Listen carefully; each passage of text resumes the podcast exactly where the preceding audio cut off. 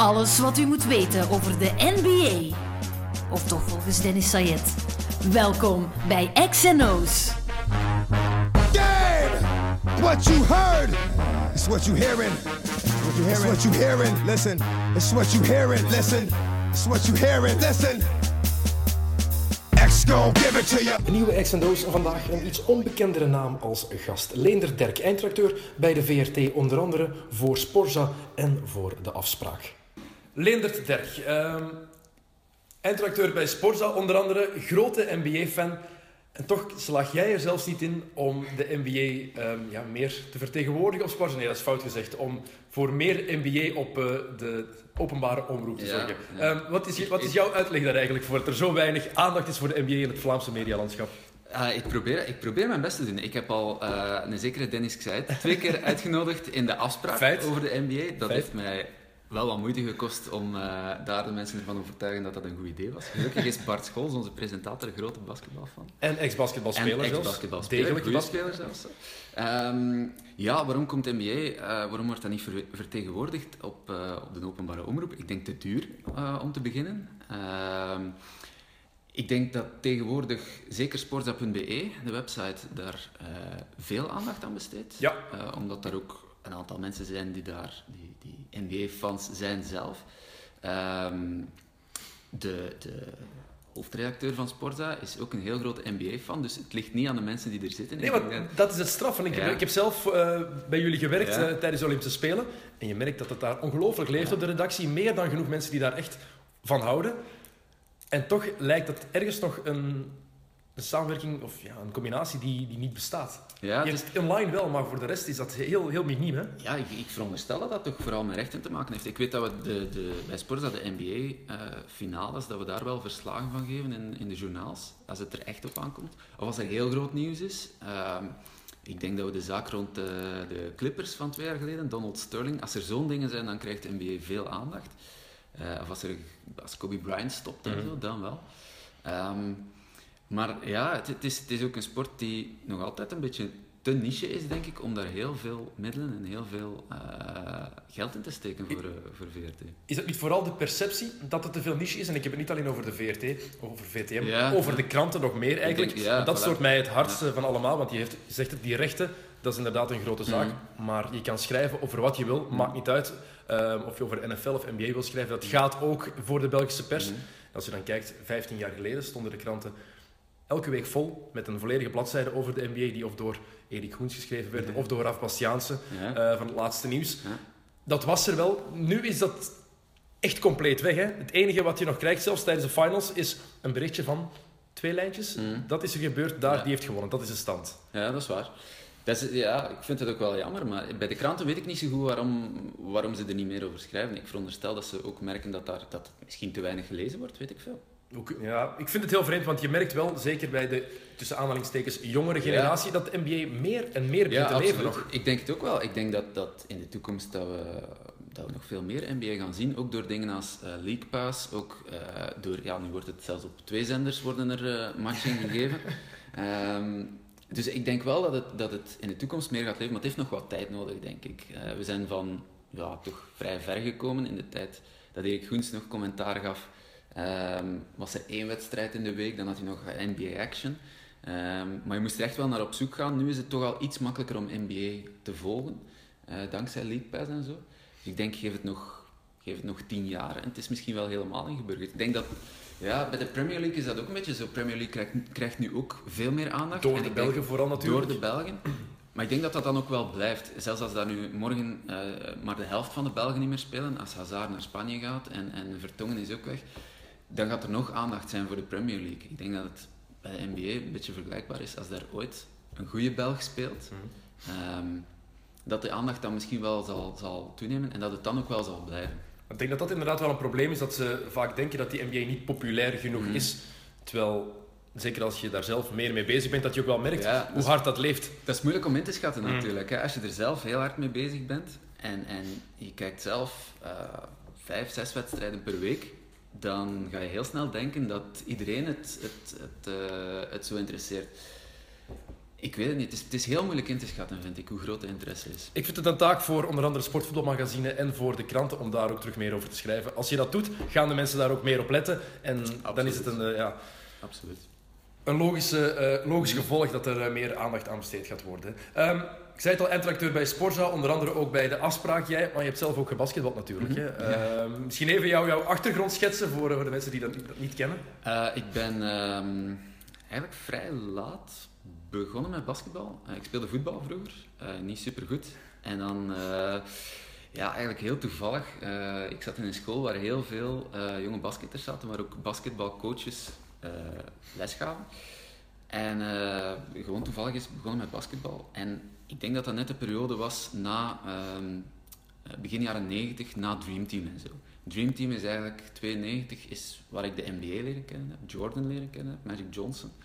Ehm, en dan was ik wel wat geïnteresseerd in basket, maar ik speelde voetbal. Maar dan op den duur toch zelf beginnen spelen. Ehm, ja, en dan gemerkt dat ik het ene veel liever deed dan het andere en er ook beter in was. En eh, dan heb ik eigenlijk heel mijn eh, jeugd bij Kortrijk gespeeld. ik denk dat ik ongeveer alle, alle reeksen gespeeld heb. Wij zijn met een, met een, eh, eigenlijk met een jeugdploeg begonnen in derde provinciale, ieder jaar gestegen tot eerste provinciale. En dan eh, daarna ben ik naar de, de, de eerste ploeg van Kortrijk overgegaan. Dat was eerste landelijke. En dan zijn we overgegaan naar derde klasse. En dan heb ik daar ook nog gespeeld. Dus ik heb, eh, ik denk, tweede landelijke niet, maar al de andere reeksen eh, tot tweede klas heb ik gespeeld. En met, met een aantal talentvolle spelers gespeeld. Ik heb samengespeeld met eh, Alex Ligochevski, die nu nog bij Ja. Brussels eh, speelt. En uitstekend speelt. En heel goed speelt. Die, die is, ehm, ik denk dat hij een jaar of twaalf moet geweest zijn als hij bij ons kwam spelen. En die, ja, dat was fantastisch. Die, die kwam de eerste keer dat hij kwam meetrainen, dachten we van, wat gooi je hier nu binnen? En na vijf trainingen was hij al zoveel verbeterd. En die was echt, eens die veertien was, was hij al zo goed. Toen ook al een beer van een kerel. Ja, hij was ja, heel groot, maar nog vrij tenger. Maar altijd, en dat is nu eigenlijk ook nog zijn sterkte, dat hij ondanks zijn gestalte en zijn postuur, eigenlijk heel snelle voeten heeft. Het is de Boris Diaw van eh, de Belgische Boris competitie. Dia van de Belgische competitie, dat vind ik een goede vergelijking. Ja. Ehm, maar met hem gespeeld en dan eh, later met, met heel goede spelers gespeeld. Met Melvin McCann samen gespeeld, die nog een jaartje NBA Ja. eh, bij de Lakers gespeeld heeft. Eh, dus ja, dat was wel... eh, en tegen, ook tegen heel veel goede spelers gespeeld. Eh, Jean Saloumou en zo. In hun jonge dagen. in de jonge dagen, Seron. ja, heel veel van die spelers nog tegengespeeld. Maar zelf nu helemaal opgehouden met spelen. ehm, Op niveau. Op, op, opgehouden op niveau, ja. Ik ben gestopt in derde klasse op mijn hoogtepunt. Maar ik speelde daar ook niet zo heel veel. Dat was eigenlijk net, net iets te hoog voor mij. Ook fysiek was dat, was dat heel lastig. Ehm, en dan ik, denk ik, vier of vijf jaar gestopt. Gewoon helemaal gestopt. En nu sinds een paar jaar speel ik hier in Mechelen eh, de vrijdagavond in het eh, Vriendenverbond. Vriendenclubs. Altijd, Vriendenclubs is geweldig. altijd een goed plan. eh. Ja. Een tam zonnetje om Ja, daarmee te beginnen. ja. Niet harder verdedigen. Ehm, je zei het al, Dream Team, daarmee heb je de NBA wat Mhm. leren kennen. Michael Jordan, Magic Johnson. Is het bij jou dan ook, net zoals bij mij en mensen van onze generatie, meestal denk ik Michael Jordan de ultieme god? Of zie jij dat anders? Nee, Jordan is beter dan, dan Jordan, wordt het niet. Alhoewel, ik moet zeggen, ik, kijk nu, eh, ik heb nu de laatste tijd een paar wedstrijden teruggezien, zo eh, de NBA Classic Ja. Games. Onder andere die finale tegen Utah. En je stelt het je toch altijd beter voor dan het was. Jordan mist ook heel veel, zeker in die finals. Maar toen was hij alleen, hè? Ja. Iedereen praat nu over LeBron James, die alleen was tegen de Warriors vorig jaar. Eh, twee jaar geleden intussen al, want het is Mhm. 2017. Mhm. Mogen niet vergeten dat Pippen heel die finals ongelooflijk veel last, Mhm. last had van zijn rug, dus amper een, een invloed heeft gehad. Dennis Rodman zat meer in Vegas dan ergens anders, want die ging altijd gokken. En die had zijn perikelen met Carmen Electra toen, denk ik. Zijn toenmalige vrouw. Ja. Dus die was daar ook niet helemaal bij. Um, Kukoc was de tweede, was de op Ja. één na beste speler van die Mhm. ploeg op dat moment. Ron Harper, die Nee. hing bijna uit elkaar. Ik denk dat daar ook vaak over Maar toch- gekeken wordt. Iedereen denkt, Ja. Pippen was daarbij, dus Jordan had heel, dat jaar was dat helemaal anders. Hè? Ja, maar toch in mijn hoofd was Jordan veel dominanter dan hij toen was. Het was natuurlijk ook al het einde van zijn carrière, de echte eh, periode waarin hij, waarin hij eh, fantastisch was. Daar was ik net iets te jong voor. Dat is was- zijn eerste periode. Ja, zijn zeggen. eerste periode. Ik weet nog heel goed dat ik ehm, in 92 van iemand de eh, cassettes, de Pontel-cassettes van de finals van 92 kreeg tussen de Bulls en de Trailblazers. En ik kreeg die cassettes, ik weet niet meer of het vijf of zes wedstrijden was? Zes. Zes wedstrijden. Ja. En gewoon de bovenste cassette, die pakte ik vast, die stak ik in de, in de videorecorder. En dan begon ik kijken, blik achteraf, dat dat dan wedstrijd 3 of 4 was. en ik had gewoon nog niet door dat dat toen eh, best of 7 was. Dus ik was er toen nog niet bewust genoeg mee bezig om echt te zien hoe, hoe, eh, hoe goed hij toen was. Je- het is ook een verschil, hè? de Jordan van de eerste periode en de Ja. tweede. Het zijn twee totaal Ja. verschillende spelers. Hè? Ik heb Ja. de finals van 93 pas Mhm. nog eens helemaal bekeken. Ik heb die Mhm. ook thuis liggen op videocassettes. Ehm, en dan was het een meer atletische Jordan, terwijl dat drie jaar later speelde hij zoveel meer met zijn verstand en Mhm. zovele meer jumpers. Ja. En wat je zegt, dat shotpercentage in die laatste finals trok nergens op. We gaan een jaar eerder, gaan naar 1997, toen Malone de MVP was. Mhm. En dan speelde Jordan iedereen gewoon Dus- kapot. Het is wel wat mij wel opviel, wat fantastisch is om te zien, is hoe intelligent hij is. Hij, hij, gaat heel veel opposten. Eh, ook die triangle van toen was, was eh, heel veel eh, post-up. Maar dan wacht hij net altijd op het goede moment. Er komt altijd dubbelteaming. Maar net als die dubbelteaming eraan komt, dan vertrekt hij net. En dan, dan valt hij aan. Dat is zo, zo fantastisch om te zien hoe, hoe, hoe hij het spel dan... Ah ja, alles gaat in slow motion voor hem dan. Eh, alleen, ja, de explosiviteit was net ietsje minder. Zeker het laatste jaar. En- Maar wat je zegt, dat IQ is heel belangrijk. En dat Mhm. is iets wat veel mensen ook vergeten, denk ik. Zeker nu LeBron James er is, Mhm. een van de slimste spelers Mhm. aller tijden. Mhm. Voor mij de op één na beste ooit. Hij is ongelooflijk verstandig op het veld, maar Jordan had dat ook. Kijk naar, het was het laatste play van de finals, 97, met Steve die dat shot Ja. scoort. Jordan die tijdens de time-out al zegt, dat gaat er gebeuren. Ja. Zie dat je klaar bent. En Mhm. dan doet hij exact Mhm. wat jij net zegt. Hij wacht op die double-teaming, gaat hij ertussen, geeft hij hem af. Ja, Open shot voor Kerr en finals zijn binnen. ja, ja. En ik denk dat dat een beetje te veel vergeten wordt door de, de huidige generatie, door de... Ja, omdat, omdat Jordan al 20 jaar gestopt is. Hè. Dat is ergens ook logisch, logisch maar mij stoort het een beetje dat we dat te veel negeren. Dat het nu is van, kijk naar LeBron, naar zijn basketbal-IQ. We mogen niet vergeten hoe slim Michael Jordan op dat Mhm. vlak was, hoe slim Larry Bird op dat vlak Mhm. bijvoorbeeld was. Ja. Eh, Magic Johnson net hetzelfde. Ik denk dat de tijd dat een beetje, ja, ons een beetje doet Ja. vergeten. Dat is logisch natuurlijk. Hè. Door de tijd ga je... Mensen zijn ook vergeten hoe, hoe goed Scottie Pippen was. Ja. Ehm, hoe goed Olajuwon was. Eh, ja, er zijn er zoveel die, die door, door, ja, door de herinnering eh, iets minder worden. Alhoewel dat ik denk dat het bij Jordan nog meevalt. Ik denk dat er heel weinig mensen zijn die, die eh, Jordan niet op één zetten als, eh als basket. Ik denk dat zijn merk daar ook heel veel mee te maken heeft. Ja, zijn schoenmerk zal ervoor zorgen dat hij Ja. altijd relevant gaat blijven, omdat door die retro's die altijd blijven uitkomen, Ja. komen die oude beelden ook weer terug naar boven. Ja, absoluut. En dat speelt zo'n belangrijke rol. Ehm, maar ik vraag het je ook omdat die discussie LeBron tegen MJ in de VS maar blijft opflakkeren. Hè? Mhm. Constant, Mhm. harder dan ooit tevoren. Eigenlijk de laatste Mhm. maanden, eh, vooral ehm, in de Hurt. ehm, Colin Hurt die daarover bezig is. Ehm, Skip Bayless die daar genoeg over praat met zijn collega's. Stephen A. Smith. eh, het zijn allemaal hot takes. Ik ben daar niet altijd grote voorstander van. Maar dan heb je bepaalde argumenten die zeggen van kijk naar hoe Miami is uit elkaar gevallen toen LeBron vertrok. Ze hebben meteen de playoffs niet gehaald terwijl alleen LeBron is vertrokken. Kijk naar de gevolgen voor Cleveland toen LeBron naar Miami is gegaan. Ehm, dat zijn impact groter zou zijn omdat toen Jordan vertrok naar, naar het baseball, Mhm. verloor Chicago, wat was het, vijf matchen minder het jaar daarna? Of Ja. drie matchen minder zelfs maar, denk ik, van 57 naar 54. Is dat, valt dat te vergelijken of is dat Ik denk, totale onzin? Het is heel moeilijk om te vergelijken door de omstandigheden. Hè. Eh, LeBron is weggegaan bij Miami, maar hij is ook weggegaan omdat hij waarschijnlijk ook zag dat Dwayne Wade een heel stuk minder was, dat die zijn knieën echt wel kapot zijn. Die hebben daar dan nog de pech gehad met Bosch, met, met zijn, eh, met zijn eh, wat was het, blood clots in Ja. zijn, in, zijn, in zijn longen. Ja, en hij, komt, hij gaat op het perfecte moment weg bij Miami en hij komt op het perfecte moment toe bij Cleveland met Irving, die een paar jaar gespeeld heeft, die al die ervaring heeft. Die, ik vind die echt vind die fantastisch in offense om te zien, Irving. Heerlijk, heerlijk. Streling voor het oog, echt, als je hem ziet spelen. Ongelooflijk hoe hij, hoe hij, ja, hij wordt bijna nooit geblokt. En hij krijgt altijd die bal zo mooi tegen het bord, juiste effect. Dat is fantastisch. Er is niemand die dat kan zoals Nee, hij, hè? nee. Ja. Ehm, maar dus hij komt daar wel op het, op het perfecte moment toe. Terwijl bij Jordan was de situatie toch anders. Pippen was toen ook wel heel goed. Ehm, Ik ben altijd wel een grote Pippen-fan geweest. Het, het, jaar, het jaar dat Jordan is weg geweest, was eigenlijk bijna MVP zijn. gevallen. Hè? Ja. Als Olajuwon niet zo'n wonderjaar had gehad, was het Scottie Pippen geweest. Ja, en Pippen heeft daar een beetje last gehad van, eh, ik denk tegen de Knicks, hè, dat hij ehm, in de playoffs, dat hij het beslissende shot wil nemen Ja. en dat Jackson het aan Kukoc geeft. waardoor Pippen niet meer wil spelen en daar eigenlijk door zijn ploeg een beetje op afgerekend is, dat heeft zijn reputatie heel, heel, heel veel slecht gedaan. En Kukoc scoort dat. Kukoc scoort, ja, ja absoluut. absoluut. Ehm, dus ja, ik denk dat het een, andere, een heel andere situatie was. Ik denk dat Jordan een veel betere ploeg achterliet.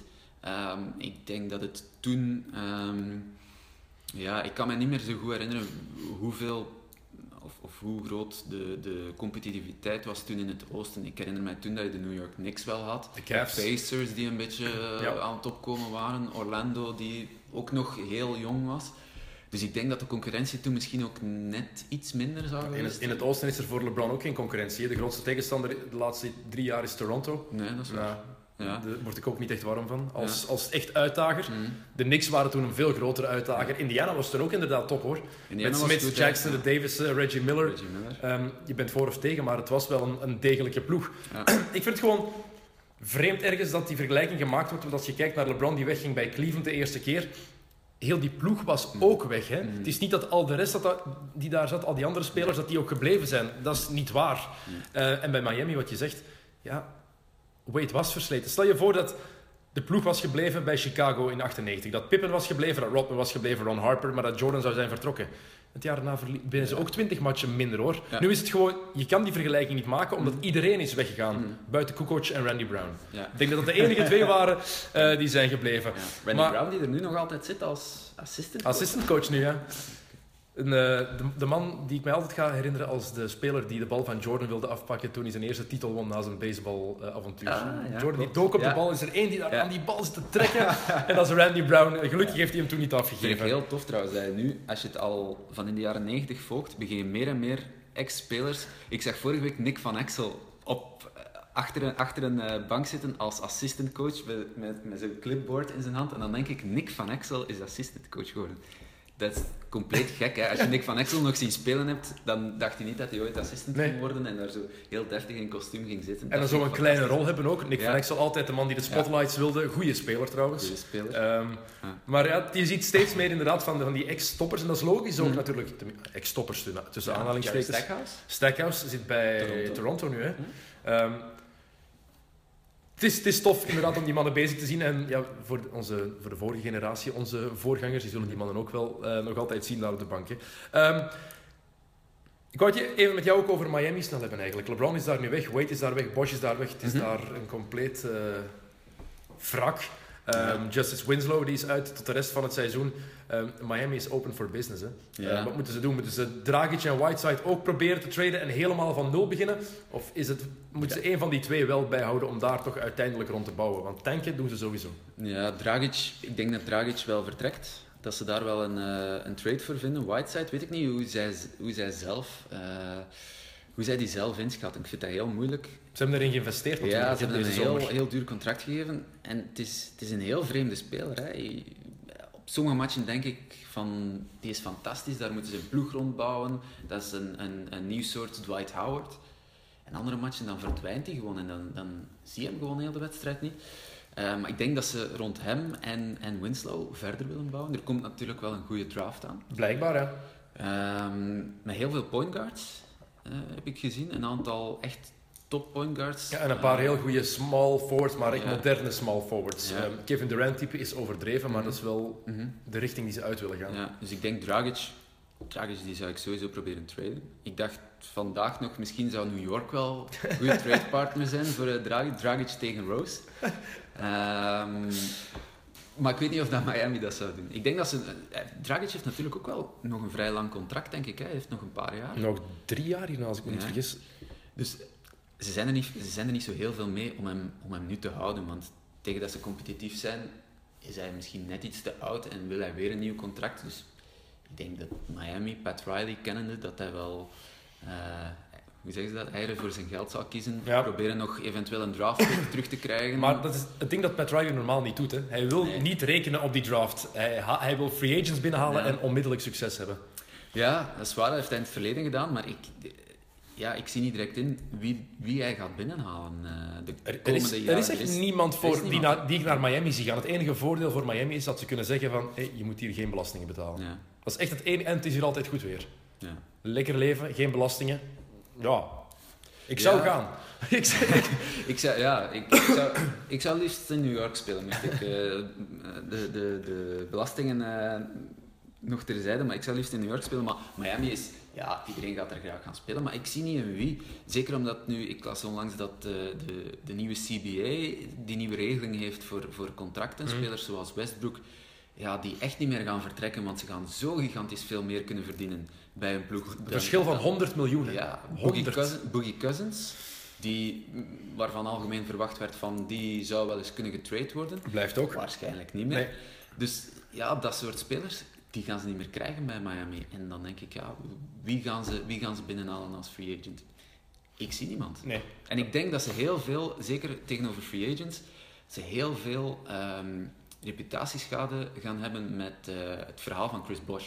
Ik denk dat dat bij andere spelers heel slecht gaat vallen. Dat ze hem eh, niet meer willen laten spelen om medische redenen. Oké, dat zal dan wel. Ja. Maar vooral het feit dat ze hem niet willen traden tot die deadline, zodat dat hij niet meer in playoffs kan spelen. Ik denk dat dat bij heel veel spelers eh kwaad doet zal zetten. Ook de manier waarop ze uiteindelijk LeBron eh, behandeld hebben. En Dwayne Wade. Nog En één- Dwayne voor-. Vooral dat laatste. Een club, het clubicoon, Ja. zeg maar. Ehm, het gezicht van de, van de franchise. En Pat Riley doet nog ineens de moeite Ja, om erbij denk- te zijn tijdens de onderhandelingen. Pat Riley een geweldige aura had voor eh, de Big Three, maar dat dat toch een heel stuk geminderd, dat dat sowieso al belang, minder belangrijk is voor jonge spelers. Mhm. Pat Riley, veel mensen kennen die, veel jonge spelers kennen die toch niet meer. Maar zeker met wat hij de laatste paar jaar gedaan heeft met LeBron James, met Wade, nu met Bosch, de drie mensen die hem eigenlijk titels bezorgd hebben. Ja, ik denk dat free agents daar wel rekening mee houden. Ehm, het is wel opvallend hè, hoe snel het bergaf is gegaan bij Miami. Mhm. Ehm, drie jaar geleden stonden zij nog in de finals voor Mhm. de vierde keer op een rij. 2014. Ja. Het lijkt al tien jaar geleden bijna. Hè. Dat Ja. gevoel heb ik echt. Dat het zo lang geleden is. Het, is, het was in 2014, 2,5 jaar geleden. En dat zegt wel veel over de impact van, van een LeBron James Ja. op een ploeg natuurlijk. Die omkadering moet daar ook zijn. Als Kyrie Irving niet zo top is en als Cleveland die nummer 1 draftpick niet heeft in 2014, Mhm. gaat LeBron niet terug naar Cleveland. Laat dat heel duidelijk zijn. Je kan zeggen wat je wil van ja, de liefde voor de stad, allemaal goed. Hij houdt van Ohio, dat is waar. Mm. Maar dan gaat hij niet terug. Ja. Als hij niet de kans, als hij niet weet van daar kan ik echt de komende jaren meespelen voor de titel, dan gaat hij wel ergens anders naartoe hoor. Ja, en ik denk ook echt bij Miami. Ik, ik had niet verwacht dat ze zo, zo snel zo diep zouden vallen. Het is natuurlijk het is allemaal omstandigheden. Hè. Ik had gedacht, vorig jaar hadden ze een ploeg, Dragic, Wade als backcourt. En dan Bosch en Whiteside in de frontcourt. Als je daar dan nog Winslow bij zet. En Joe Johnson zat daar vorig jaar Joe ook. Johnson zat er ook nog. Dan dacht ik van, nou, dat is wel een ploeg 4, 5 in het oosten. Maar het is, het is gewoon allemaal in elkaar gezakt door, door toevalligheden, door, Mm. door blessures en door ja, misschien ook slechte keuzes. Maar ja, het, is, het, is, het ligt niet alleen aan, aan de spelers, dat het, eh, of, of het ligt niet alleen aan het beleid. Ze hadden het waarschijnlijk nog beter gedaan, hadden ze al die toestanden niet gehad. Tuurlijk, tuurlijk. Ehm, maar we komen bij LeBron uit, eh, als we het even Mhm. over Miami hebben gehad. Ehm, LeBron en de Cavs op dit moment ja, op het gemakje in het oosten. Ook al hebben ze een moeilijke week achter de rug, zijn eh, Mhm. minder aan het spelen. Ehm hebben wel Kyle Korver aangetrokken. Ehm, hele goede trade in mijn ogen voor beide partijen. Want Mhm. Atlanta heeft er nog een, e- een eerste ronde draftpick Ja. voor gekregen. Speler die einde contract is 35 jaar. Beter ga je daar echt niet voor krijgen. Nee. Maar het is wel iets waarvoor ze bij Golden State echt moeten vloeken in mijn ogen. Damn, nog een shooter daarbij. Ja, ik, ik vind het ook een goede trade. Eh, dat is zeker. Maar ik denk dat hij misschien net iets minder impact zal hebben dan dat de meeste mensen denken. Eh, Waarom? Omdat, ja, ik, Corver is, is iemand die de laatste jaren op een heel specifieke manier gespeeld heeft. Eh, bij Atlanta was hij heel de tijd over screens aan het lopen. Mhm. En hij haalde daar zijn shots uit. Nu gaat hij op een heel andere manier moeten spelen. En ik denk, hij, ik weet niet aan hoeveel hij zijn driepunters afwerkte. Het zal iets van een 40% Ja. geweest zijn. Ik denk niet dat hij nu opeens, door met LeBron te spelen, dat hij naar 50% zal gaan. Al die open jumpers gaan niet uitmaken, want Nee, hij gaat nu een dat- spot-up shooter worden natuurlijk. Hè. Ja, Toen hij meer de Ray Allen, ehm, Reggie Ja. Miller treatment kreeg in, eh, in Atlanta. Het was gezegd over die screens lopen, vooral langs de baseline. ehm, over die staggered screens dat hij Mhm. kwam. Nu gaat hij gewoon klaarstaan in de hoek. Ja, en ik weet niet of hij daar, daardoor veel beter gaat worden. Ik denk als je tien jaar lang gewend bent om over screens te lopen en zo je shots te krijgen. Hij kreeg ook wel redelijk veel shots bij Atlanta. Ze zochten hem ook wel. Hij had de bal vrij veel in zijn handen. Zelfs al hij kwam over die screens, kreeg de bal. Al was het maar om hem gewoon direct terug te geven. Hij had de bal wel regelmatig in zijn handen. Nu sta je wel 15 seconden stil in de corner. Dan komt de bal en dan krijg je hem.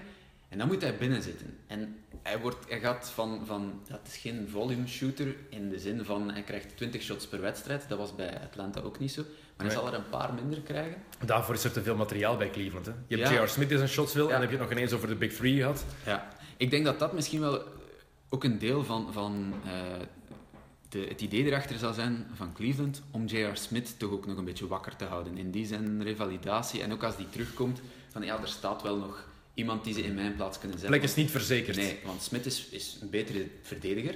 Als hij, is, Als hij er zin in heeft en zijn best in doet, heeft, is hij daar goed in is zelfs. het een heel goede verdediger zelfs. Hij is ook een vrij goede passer, ook opnieuw als hij er zin in heeft. Alles is bij J.R. Smith, is alles als hij er zin in heeft. In Altijd. shotten heeft hij altijd zin, gelukkig. Ehm, maar ik denk dat, het- dat, het ook, dat dat ook wel een beetje de reden is, om, om, om hem toch een beetje te pushen. En Corver, ja, het is, een- hij is iets, iets groter dan J.R. Smith, dus tegen grotere eh, forwards kan je hem ook zetten. Ehm, dus ja, ik ben wel benieuwd, maar ik vind het wel een, een- ik denk wel dat het een aanpassing wordt voor hemzelf. Ik las onlangs een, het fantastische verhaal van Steve Kerr toen hij eh, weg was bij de Bulls en naar, ik denk naar San Antonio Ja. of naar Portland ging. San Antonio. Denk, ja, het was bij één van de twee. En toen kreeg hij een veel kleinere rol. Hij mocht veel minder spelen en hij kreeg veel minder shots. En hij werkte toen samen met eh, Chip England, de legendarische shootingcoach ondertussen. En hij vond van ja, mijn shot gaat niet meer, ik krijg minder de bal, ik zit niet meer in het ritme.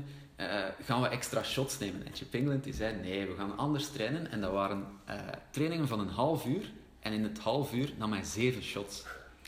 En hij ging, op den duur gingen ze samen op een stoel zitten. Hij liet Keur de krant lezen of hij liet Keur vertellen over hoe het met zijn kinderen was.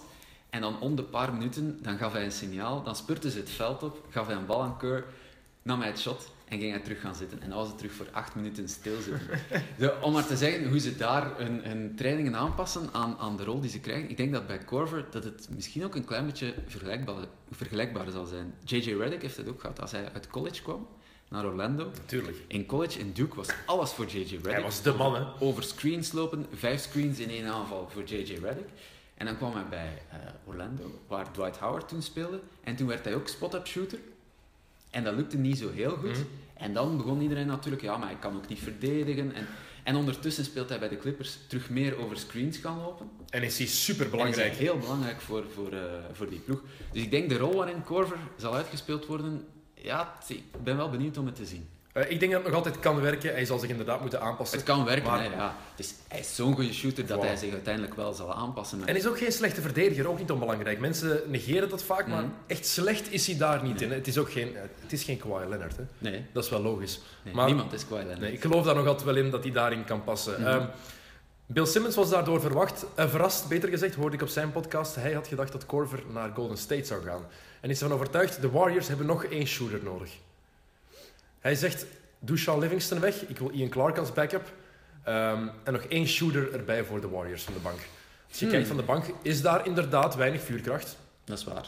Maar Eh, ik zou Sean Livingston zeker niet wegdoen. Ik ook niet. Sean Livingston zo'n degelijke speler. Die wordt gespaard voor de playoffs Ja. gewoon. En net zoals Iguodala. Tijdens de playoffs zullen die er wel weer staan. Tenzij dat Iguodala echt Mhm. over de top is. Wat ook mogelijk is. Hij is 35 jaar. Het kan zijn dat het ineens op is. Maar een shooter extra voor Golden State, dat lijkt waanzin als je denkt aan het materiaal dat daar in de basis 5 staat. Maar als je er meer over begint na te denken, is dat niet zo'n vreemde gedachte.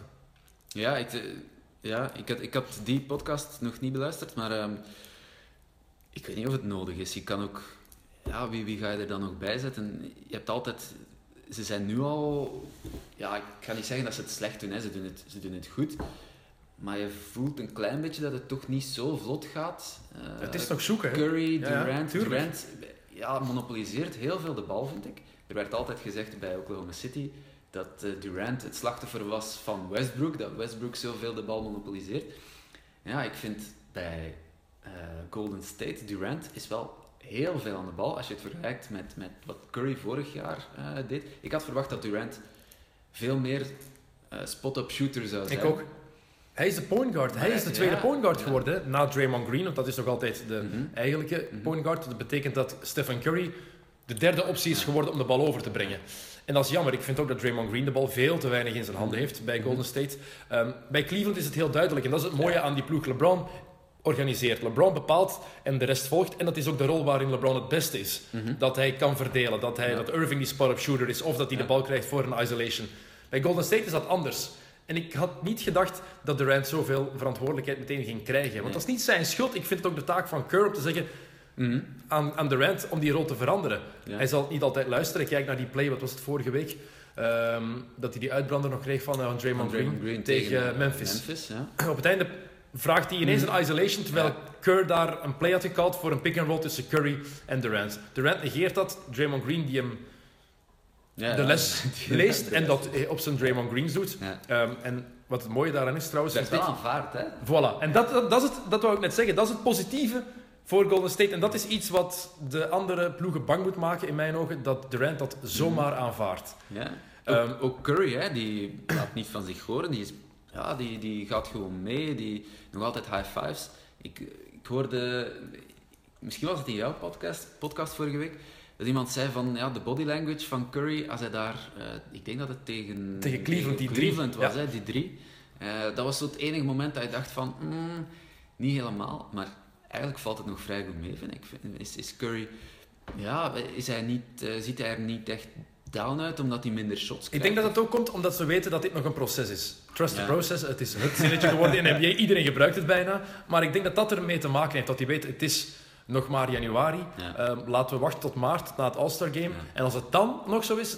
Ik denk dat er dan veel kan veranderen. Of als ze falen in de playoffs. Dan, dan Ja, gaat, want- gaat alles uit elkaar vallen. Natuurlijk, je moet, Clay Thompson die moet ook zijn shots krijgen, want Clay Thompson is heel belangrijk als verdediger.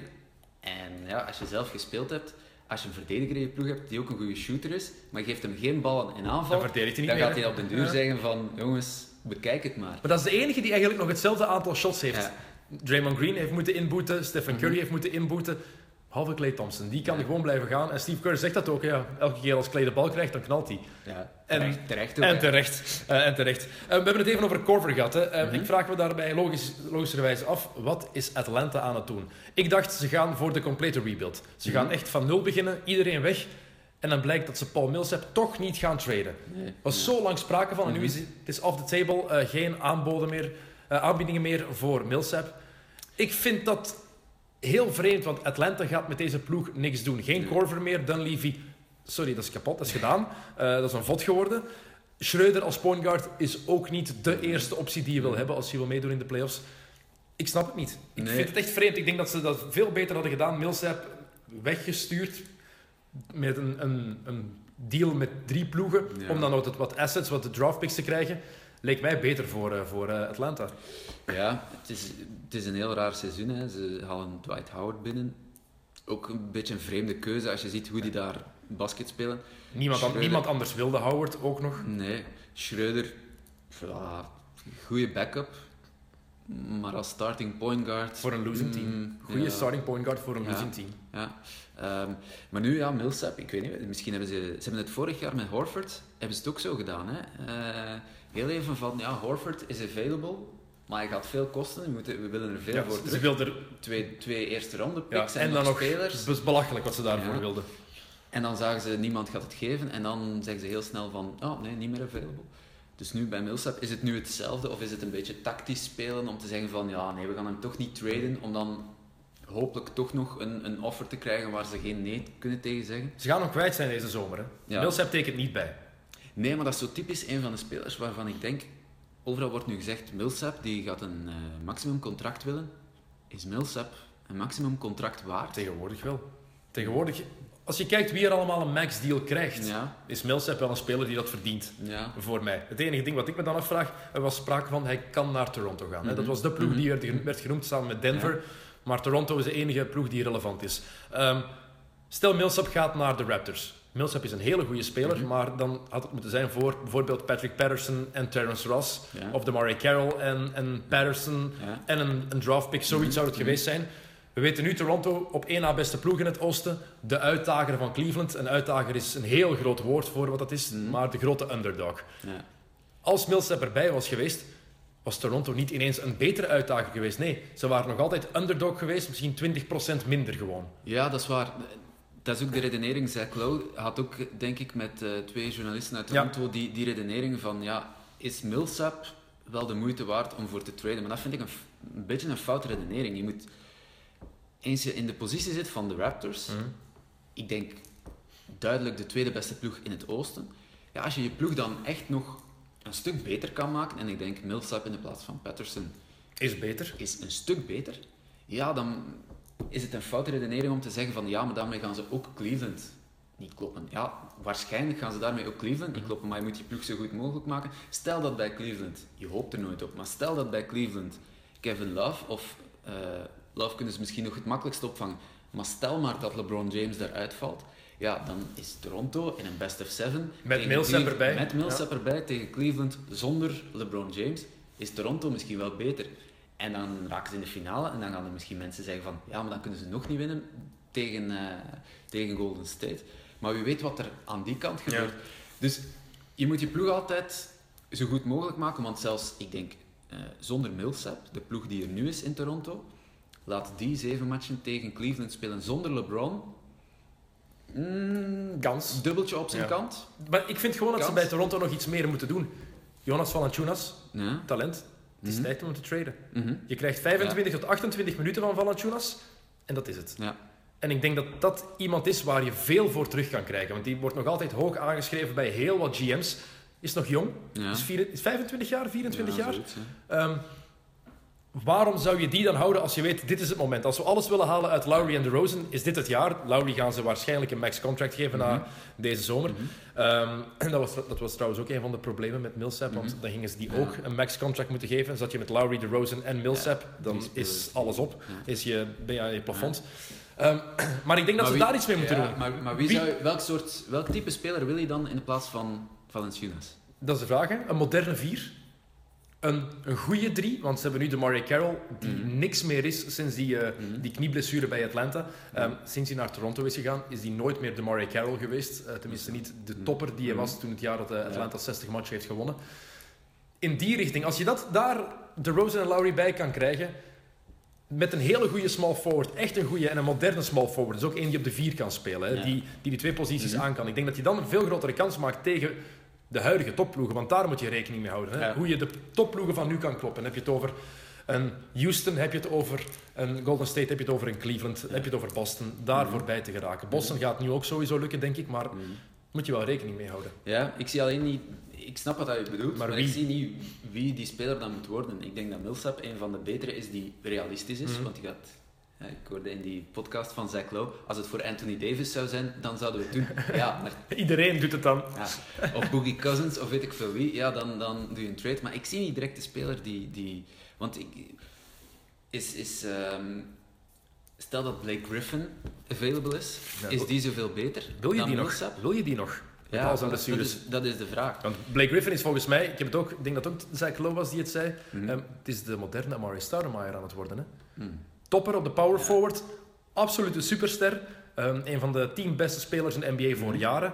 Teert op zijn atletisch vermogen, probeert dat wat te veranderen, maar lukt niet altijd helemaal. En dan heb je die knieblessures. Die blijven terugkomen. En bij Griffin is dat nu ook aan het gebeuren. Is nog maar 26. Dat is waar. Het is een zoveelste knieblessure en nu is het zijn andere been, zijn rechterbeen. En dat is het probleem. Ja.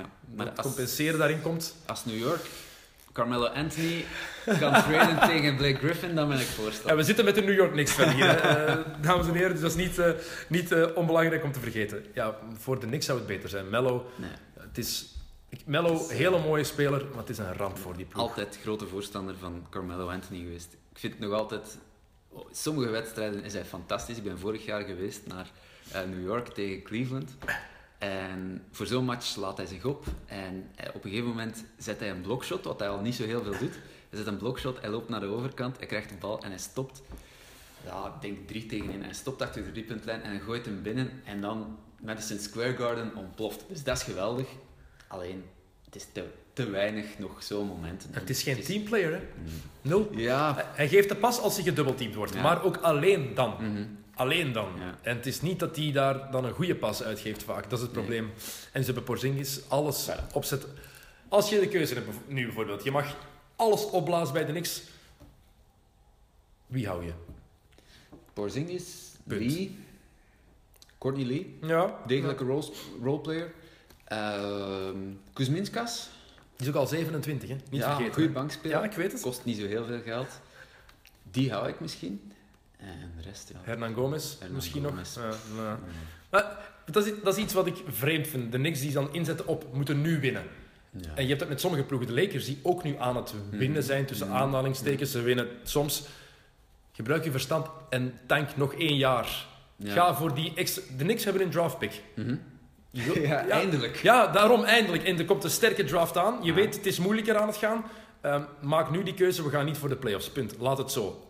Ja, of doe het, doe het zoals eh, Houston het in de tijd gedaan heeft. Verzamel spelers waarvan je weet van hier gaan we nog iets voor kunnen krijgen. En als dan iemand zoals eh, Harden in de tijd Ja. eh, vrijkomt, of stel nu maar dat er, dat er, ehm, dat er grote, grote moeilijkheden komen in Milwaukee. Eh, Gian- Giannis en eh, Jabari Parker komen niet meer overeen. En Parker wordt getrade. Ja, dan denk ik, zo iemand, een jonge speler die, die, die, ja, die nog marge heeft en die nog kan, waar je nog kan voor traden, doe het dan zo. Zo mag het voor mij ook. Maar nu zitten ze ergens tussen de twee en willen we competitief zijn of willen we, willen we volgend jaar een hoge draft pick, willen we bouwen rond Porzingis of willen we toch nog altijd mellow? Ze moeten sowieso bouwen ze, rond ze maken, Porzingis. geen, ze maken geen keuzes. Ja. Maak dan een keuze, de een of de andere richting, maar, maar maak tenminste die keuze. En dat is iets wat ik bij veel van die ploegen vind. Bij Mhm. Philadelphia, bij de Lakers, Ja. ehm, bij de Knicks. Ploegen waarvan je weet van... Als jullie nu slim zijn, jullie weten wat eraan komt van draftclass. ja. Zeker de Lakers, die zijn hun draftpick weer kwijt, hè, als het niet hoog genoeg is. Ja. Die gaan hem kwijtspelen aan Philadelphia. En je wil Philly niet nog een extra Ja. goede draftpick geven met Ben Simmons die nog moet terugkomen. Ehm en die daar zitten, de assets die ze hebben en kunnen traden met Okafor en eh Nerlens Noel. Ook al zijn die ook aan het winnen. Mhm. Tegen de Knicks onder andere. Goed verdedigd, eh, Carmelo Anthony trouwens. Mooi die handen naar beneden gehouden. Ah. Echt. Doe gewoon je twee handen omhoog bij dat shot van TJ McConnell. Ja. Zowat. ehm, maar ik vind dat vreemd dat die, die, keu- dat die keuzes niet meer gemaakt worden door, de, door het bestuur. Of keuzes gemaakt worden. Ik snap dat je speelt om te winnen. Mhm. Ja, dat vind ik ook goed in het geval van de Knicks. Ik, ik zou het ook, wat Philadelphia drie jaar gedaan heeft onder Sam Hinkie, was verschrikkelijk. Hè? Gewoon Maar kijk naar het tegen, tegen resultaat. zeggen van het interesseert ons niet. Ja, ze hebben ook een voor eraan overgehouden. eh, maar ze hebben ook eh, heel dwaze dingen gedaan. Hè. Ze, ze hadden Porzingis ook kunnen hebben. Hè. Ze hadden Ja. Okafor, eh, ze hadden ehm Okafor, ja. Embiid, en Porzingis samen in één ploeg Ja. kunnen hebben. Hè. Ze hadden zelfs Giannis ook kunnen hebben. Hè. En in een maar- bepaalde draft. Ja, maar dat- Dus ze die, draft van, die draft van Janis, ik heb het daar straks nog, nog over gelezen. Dat is de draft van 2013. Als je die opnieuw zou doen, hè, als je die echt opnieuw zou doen, want toen was het één Bennett, Anthony Bennett, die trouwens nu getekend heeft bij Ja, Fenerbahce gisteren, ja. uit de NBA weer al, Mhm. grootste, grootste bust aller tijden. Dat is nu eens echt een draft bust, want we hebben het soms over Greg Oden. Michael Olowokandi? Ja, maar die heeft nog, die heeft nog tien jaar in de NBA gespeeld. Ja. Niet top, maar die heeft, Bennett heeft gewoon niet gespeeld. Hashim Tabit? Hashim Tabit ook, maar dat was het nummer twee pick. Hè? Nummer, nummer één pick, Dat altijd een beetje meer eh, profiel. Ehm, wie was drie? Otto Porter Jr., Cody Zeller, Alex Len. Dat was de Hmm. top 5. En dan denk ik dat Contavious Caldwell Pope in de top 10 zat. Ehm, Steven Adams was 12, Antetokounmpo 15 en Gobert 27. Ja. Ja. Als je die opnieuw doet, is Antetokounmpo ja, met voorsprong de Mhm. nummer 1 draft pick. ehm, Denk ik toch. Mhm. En dan ja, kan je wat lager beginnen gaan. Anthony Bennett die wordt gewoon niet gedraft. Het gewoon wordt genegeerd. Ehm, ik vind het toch straf als je die zo'n redraft doet, draft doet van, zo'n, van zoiets. Maar ze- zeker die. ehm, hoe ze Janis ontdekt hebben. Het is en Mhm. blijft een, een, een waanzinnig verhaal. John Hammond die wordt getipt door een scout van ik heb hier in, een parel ontdekt eh, in, eh, in Griekenland die eh, echt wel goed is. En dan gaat hij kijken, speelt hij tegen oude kleine blanke mannen. Dat maakte ze natuurlijk kapot, want hij is 2 meter en 7 was hij toen. Toen was hij nog niet zijn Ja. volledige lengte. Ehm, je zou verwacht hebben, 2013, dat is het jaar dat de Mhm. internationals hoog gedraft gaan worden. Mhm. Niet gebeurd. Uh, Antetokounmpo, hij stond op de radar van sommigen, maar niemand had verwacht denk je, dat hij zo goed zou worden. Ik probeer hem zelf met Thomas ook, met Thomas van de Spiegel, al wat jaren te hypen. Onder andere, in, in de, ik denk dat we daarover gehad ja. hebben toen eh, bij, bij jullie waren bij Sporza. Ehm, en nu komt het er helemaal uit. Dit, dit, is, dit is een van de, de grootste talenten die er ooit heeft rondgelopen in de NBA, denk ik. Hè. En het is eigenlijk niet... Als ik hem zie spelen, ik vind het geen zo'n fantastische atleet eigenlijk. Iedereen spreekt over atletisch vermogen. Hij springt niet eens zo hoog, hè. Maar hij heeft zo'n geweldig lange armen. Hij- wingspan is waanzinnig. Hij heeft tegen, ik denk dat het tegen een niks was, heeft hij gedunkt en hij stond al bijna terug op de grond als hij de bal erdoor jaagt. Hij moest ook kijken of dat hij er wel echt in... Het was ook wel van net voorbij de vrijwoordplein, Ja, dat hij, dat hij afstoot. Hè. Ja. Maar het is, het is, ja, het is geweldig om te zien, ook hoe zo'n speler, als hij in het begin, ja, hij kon eigenlijk niet zo heel veel. En dan wordt daarmee gewerkt, dan wordt hij ontwikkeld. Dat is toch fantastisch hoe je, hoe je spelers in de NBA, hoe ze daar, als ze potentieel zien, ze werken daar keihard mee. Ik herinner mij Vince Carter, die is in de NBA gekomen. Ik volgde die in college. Ik ook, die kon met Jameson. niks anders dan dunken. Ja. Vince Carter die kon echt helemaal niet shotten. En nu, ik zeg van de week, is hij weer een plaatsje opgeschoven in eh, all-time leaders in Vijf, driepunters. vijfde nu, denk ik, dat hij staat. Ja. Jason Kidd, net hetzelfde. Die kon niet shotten als hij in de NBA binnenkwam. Kawhi Leonard. Kawhi Leonard. Dat is ook Chip Engeland die Ja. dat gedaan heeft. Ja. Dus het is toch fantastisch om te zien hoe ze daar met mensen kunnen werken en hoe ze die zoveel beter kunnen maken. Dat is echt schitterend. Want het, het talent is er harder dan, dan, Ja. dan, dan ooit, wou ik zeggen, in de NBA. Dat is moeilijk om te zeggen, want als je kijkt naar 25 jaar geleden, Ja. begin jaren 90, de talentpool die er toen was, was waanzinnig. Met Mm. Olajuwon, met Ewing, met Robinson, met Jordan, met Barkley, met Pippen. En ga ze met Malone en ga ze maar door. Je hebt toptalenten toen. Ehm, en heb je die onnozele uitspraak van Barkley die zegt het, is, het niveau is lager dan ooit. Ik vind ook dat er te veel middelmaat is. Maar als je kijkt naar de spelers, denk ik dat er nooit zoveel talent is geweest als nu. Zowel de veteranen als de youngsters. Want je hebt zoveel jonge Ja. gasten waarvan je weet van... Je, bulkt van het talent. Dat is waar. dit- ja, daar moet je mensen zoals Barkley en het is, alle ex-topsporters hebben een beetje die ziekte dat ze altijd vinden dat de generatie waarin zij spelen zoveel beter was. De Roger de Vlaming De. Roger de de Roland Liboton ziekte. Ja, Sven Nijs, hij is wel goed, maar ja, in mijn tijd was het toch... Ja, nee, dat, dat kan je gewoon... Dat kan je niet vergelijken. En, en eh, Barkley heeft al een paar keer zo'n dwaze uitspraken gedaan. Hij heeft over, over Golden State vorig jaar ook eh, een paar dingen gezegd waarvan je dacht, ja, nee... Daar, daarvoor zit hij er ook natuurlijk. Hè. Dat is een beetje de, de, de Jan Mulder van, van eh, TNT. Maar hij moet, oppassen dat hij, moet oppassen dat hij niet de Johan Boskamp van TNT wordt. Dat het te veel een, een, een, een karikatuur wordt. Ja. En dat die uitspraken helemaal niet meer geloofd worden. Ik vrees dat het een Ja. beetje die richting uit aan het gaan is bij, No. bij Barkley. Hij heeft nog wat krediet. En voorlopig nog. Maar het is, die, die young guys, die, Mhm. die zijn daar wel. Hè. Je hebt Antetokounmpo, Ja. je hebt Porzingis, ehm, je hebt Joel Embiid, die daar nu rondloopt te wachten. Nog Ja. altijd op, eh, op Ben Simmons. De Mhm. youngsters in de NBA zijn echt klaar om over te nemen, denk ik. Mhm. En ik vraag me echt af welke kant we uit gaan. Wiggins Towns, nog niet over gehad. Ehm, Jabari Parker, die fantastisch Goed, speelt. Ja. Mooie speler om te Ja. zien. Hele mooie stijl. Ehm, en je kan, wel, je kan ze bijna van elke ploeg, Devin Booker van Phoenix, je kan Mhm. van elke ploeg bijna wel iemand opnoemen waarvan je denkt, superster in wording. Ja, ja. Bij, bij Parker, van Parker ben ik ook wel geschrokken dat hij, dat hij zo goed teruggekomen is van die blessure. Het is, hij wordt vaak vergeleken met Carmelo Anthony, maar ik denk dat hij nog meer kan. Ik denk dat hij binnen een paar jaar dat hij nog meer kan dan, eh dan Melo. Ik denk dat hij meer wil. Ja? Hij, wat Mello in het begin bij Denver wel Mhm. had, dat hij ook alles uit zijn Mhm. lichaam probeerde te halen. Mhm. Ehm, ik heb het er vorige keer nog over gehad, denk ik, met, Jo- met Johannes ook. Ze waren ooit dicht bij de finals, ja, hè, de Nuggets. In absoluut. 2009 waren ze eigenlijk beter dan de Lakers, Mhm. maar dat wordt dan genegeerd, want het is de ploeg van Kobe Bryant en bla bla bla.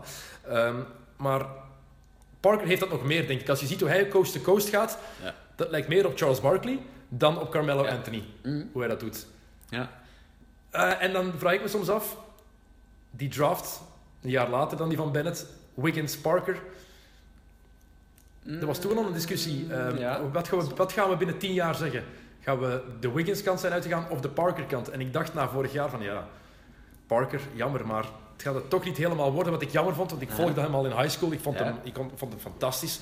Ehm, en nu besef, be- besef je van, hé, dat is er nog altijd. En die gast die Hmm. kan ook, als die gezond blijft, wordt hij ook alleen maar beter. Heb je daar twee duo's, als die binnen tien jaar tegenover elkaar staan, Minnesota tegen Milwaukee, de twee hipster-teams van de NBA, of twee van de hipster-teams. Ja. Ik geloof wel meer in Milwaukee, in het duo Milwaukee, dan het duo Minnesota. Ik denk, Door de mentaliteit van, van, van Jabari Ja. dan, denk ik. Omdat Andrew Wiggins zo heel, heel timi- te timide ja, is. Ja, dat had hij ook al een klein beetje bij Kansas hè? Ja. Eh, in, eh, in college. En vooral ook, ja, Wiggins is iets minder duidelijk wat voor een speler het wordt, vind ik. Is het echt een nummer 1 speler? Waarschijnlijk niet. Dat is Scottie Pippen-type. Ja. Max, dat, dat zijn, zijn plafond volgens mij. Ja. Een, de, beste twee, de beste tweede optie Mhm. die er bestaat. Ja, maar is hij, dan, is hij daar dan ook wel bereid om zich helemaal in dienst te stellen van iemand anders? Dat is dan ook nog wel de vraag. Ik denk dat het bij, bij Milwaukee ook makkelijker is om die twee naast elkaar te laten spelen. Gewoon omdat eh, de Greek Freak, omdat hij, ja, hij, doet, hij doet alles. Hij brengt de bal op, hij geeft assists, hij, dit- hij verdedigt. En ik denk dat hij er ook wel blij mee is dat hij iemand als Parker naast zich heeft. Dat hij gewoon af en toe kan zeggen, post-up, hier de bal en rustig twee puntjes maken. Terwijl bij Minnesota zit die verhouding toch iets, ja, iets moeilijker, vind ik. En ik denk dat die karakters ook meehelpen. Je hebt met Ja. Mhm. Janis een ongelooflijk aimabele kerel. Ik ben er vorig, nu twee jaar geleden zelf Ja. geweest in Milwaukee. Super sympathieke gast. Ja. Is een jonge kerel, hè? die praat met iedereen, die lacht met iedereen, die pakt microfoons van reporters af om zelf de vragen te gaan stellen aan zijn, eh, Mhm. aan zijn ploegmaats. Dan heb je Jabari Parker, dat is een mormon. Altijd een heel... Ja, maar dat, dat is zo, dat, dat, dat speelt mee in dat karakter. Dat merk je op het veld ook. Mhm. Altijd heel timide, maar toch wel die gezonde agressiviteit op het veld hebben. Maar het karakter, dat merk je, is altijd vreedzaam. Mhm. En ik denk dat dat het grootste voordeel is voor die ploeg, dat ze daar weinig last van hebben. En dat Jason Kidd daar zit. Ehm Het blijft nog altijd een fantastisch verhaal vinden dat eh Antetokounmpo op de bank werd gezet, een paar matchen door Kidd, en dat hij zegt van... eh, wie denkt die gast wel dat hij is? En dat hij is gaan opzoeken en dan pas zag van, ah ja, Ja. NBA-kampioen, Rookie Krijgen of the ook- Year. Ze krijgen ook blijkbaar ehm, voor, voor een wedstrijd, om de tactiek eh, in te studeren, krijgen ze ook een quiz blijkbaar. hè? Is het zo? Ja, Jason Kidd die geeft quizjes over hoe de tegenstander speelt. En dan eh, heel vaak moeten ze, of, of gaan ze bij elkaar te raden van eh, wat, wat heb jij als antwoord? ja, heb ik eh, ooit eens gehoord op een, op een podcast. Trouwens, heel interessante discussie ook. Wie, wordt, wie is de beste mormon ooit in de NBA? Dat is misschien voor een andere keer. Ik denk dat Jabari Parker. Danny Toen- Ainge heeft wel een hele mooie carrière gehad. Hè? Ja, Danny Ainge was ook een mormon. Hè? ook een mormon? Ik denk Ja, wel, BYU. Ja. Het zijn allemaal eh, mormonen daar. Hè? Ja. Sean Bradley was Sean er Bradley. Jimmer Fredette. Ja, die is een carrière. Dat is- de beste, de Ja. beste mormon in de Chinese competitie. Dat is, Jimmer- dat dat is Jimmer Fredette. Eh, dat wel. Ehm, en nog een van die young guys trouwens is Joel Embiid dit jaar. Ehm, speelt 25 minuten per match, niet zoveel, Mhm. maar wel 19 punten en 7,5 rebounds gemiddeld. Aardige cijfers. En als je hem ziet spelen, besef je van die gast, als die gezond blijft, dan wordt dat echt een topper. Ja. Maar als ik hem over het veld zie lopen, heb ik elke keer mijn zorgen. Ja, dat- ik ging net hetzelfde zeggen. Als, als hij gezond blijft, is de grote als bij een beat, want het ziet er niet zo soepel uit. Met Towns is het net ziet er hetzelfde, een beetje trouwens, pijnlijk uit ook. Eh, Ja, het doet mij, Embiid doet mij een klein beetje denken aan, aan eh, Mutombo. Ik dacht even dat hij Greg Oden ging, ging Nee, zeggen. nee, nee, nee. Ouden, dat zou ik niet durven. Ja, eh, Manier van lopen, hè? Ja, manier van lopen. Het is zo, ja... Ja, en op een ander vlak doet hij dan ook af en toe een beetje aan Hakim Olajuwon denken, die misschien de meest dartele van, eh, van, eh, van alle goede centers was in het verleden. Dus Embiid, ja, het ziet er pijnlijk uit, hè. Het ziet er heel ziet er pijnlijk uit. Je merkt, hij, hij, hij mankt soms een beetje, of zo Mhm. lijkt het. Ja. Maar dan zie je hem moves doen. Als hij de bal heeft, dan is het manke Ja. weg. Dan kan hij ineens alles doen. Maar als hij gewoon op en down moet lopen, dan hou ik altijd een beetje mijn hart vast. Je hebt al zoveel blessures bij big guys ook gezien. Mhm. Komt van een voetblessure. Ja. Voeten is altijd bij... Denk aan Bill Walton. Bill Walton. Ja, dat is Rick het grootste Smits. voorbeeld. Ja, voilà, Rick Smits die heeft het nog lang kunnen volhouden Mhm. met die pijnlijke voeten. Maar dat is vreselijk als basketbalspeler. Hè. Je, kan, Ja. je kan letterlijk niks doen. Maar als hij iets doet, iets goed doet, dan Ja. is het wel fantastisch. Dan is Het het, is echt geweldig om te zien. En hij, is, hij, is, eh, hij, hij ziet er nog groter uit dan, dan eh, de cijfers. Hij ziet er echt gigantisch Hij uit. is 7'2", hè. Ja, Dus hij is 2 meter 18, 19, hè. ja maar eh, Porzingis is, is nog groter. hè? 7'3", ja. 7'3", Maar voor mij ziet Embiid er veel groter uit dan Porzingis. Omdat hij zijn lengte ook meer gebruikt, Ja. denk ik. Als je Ja. hem ziet dunken, een beat, dan rekt hij zich zo hard uit. Ja. Trekt hij die ringer ook altijd bijna Mhm. af. Mhm. Ehm, maar het contrast is wel heel groot bij hem. Dat, dat lopen en dan die moves, maar je hebt ook zijn verstand. Hij doet soms van die briljante moves. En de andere helft van de tijd zie je aan hem, aan hem dat hij niet beseft wat hij aan het doen is. Ja, ik zie, ik zie vooral eh, highlights van de Sixers, want ik, tot Ben Simmons terug is, vind ik het nog altijd heel erg lastig om een volledige match van de Sixers eh, uit te kijken. Dus ik zie vooral de highlights en ja, de highlights zien er altijd spectaculair uit. Hè. Hij, doet, hij doet schitterende dingen. Wat hij in de rest van de wedstrijd doet, ja, fijn. het is nog een heel jonge speler, ook hè, geen ervaring.